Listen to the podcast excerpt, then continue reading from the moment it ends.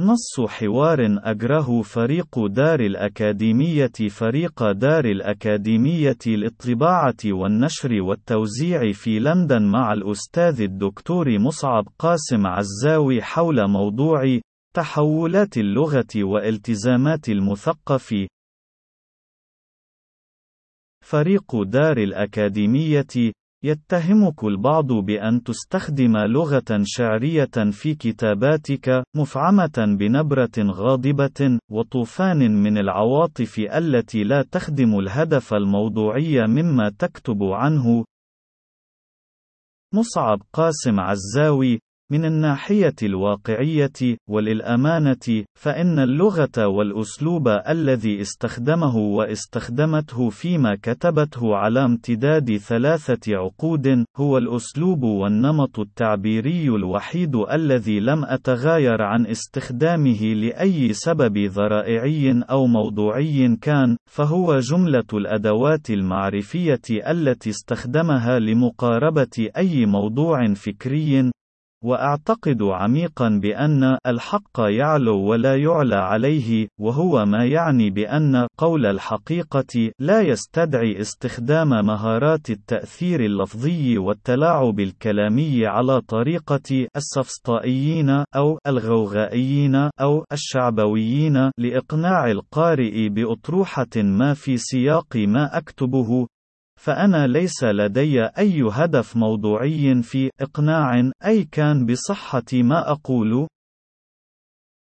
والحقيقة إني أحاول الابتعاد دائما عن هاوية التنظير واقتراح الحلول الشاملة الجامعة على منهج المؤدلجين، إذ أني أرى أن واجبي الموضوعي محصور في إظهار الحقيقة بشكلها الموضوعي بكشف الأستار التزويقية والدخان المصطنع لتعميتها وإخفائها، وترك الحرية المطلقة لأي قارئ اعتقد عميقا بأن قدرات قدراته العقلية الفطرية التي لا يزيد عقلي عنها شيئا قادر على التفريق بين الغث والسمين إن استطاع إلى ذلك سبيلا وواجبي الأخلاقي والمعرفي والإنساني مساعدته في الوصول إلى ذلك الهدف بكل ما أوتيت به من إرادة وعزم.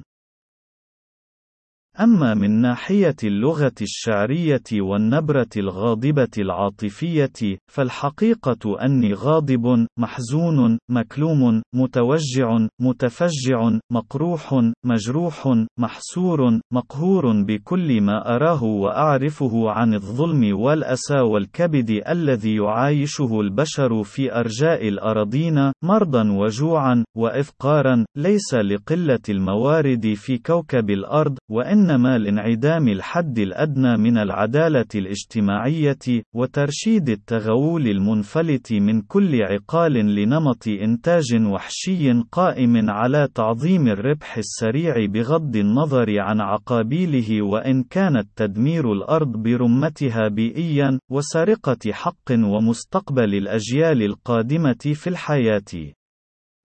وأنا لا أخفي غضبي الموضوعي في كل ما أكتبه، وهو جزء من الصراحة الضرورية والأمانة العلمية التي يقتضيها الاجتهاد لكشف الحقيقة والدفاع بأدوات المحدودة والبسيطة والمجهرية عن أولئك المظلومين المستضعفين المقهورين المفقرين بما استطعت إليه سبيلاً.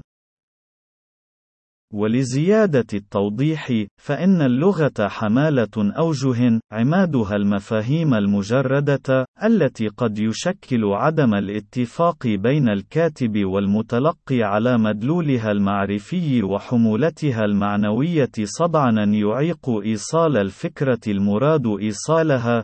وهو ما يقتضي استخدام كل الأدوات المعرفية المتاحة، وعلى رأسها اللغوية، وإن كانت شعرية على نهج الاستعارات المكنية وغير المكنية، والتشبيه، وغيرها، لتبسيط وتكثيف الحقائق، وتسهيل تلمس المتلقي لها، وهو واجب لا بد من القيام به من كل من أتاحت له ظروفه الموضوعية والتاريخية التمتع بدرجة أعلى من التعليم والمعرفة، لمساندة أقرانه في محيطه الاجتماعي على توسيع معارفهم وقدراتهم الفكرية لاكتشاف واستنباط الحقيقة بأنفسهم، وسوى ذلك تحول العالم من مثقف فاعل إلى حمار يحمل أسفارا لا يعني وجوده في الحياة الدنيا أو رحيله عنها شيئا من الناحية الاجتماعية. العلية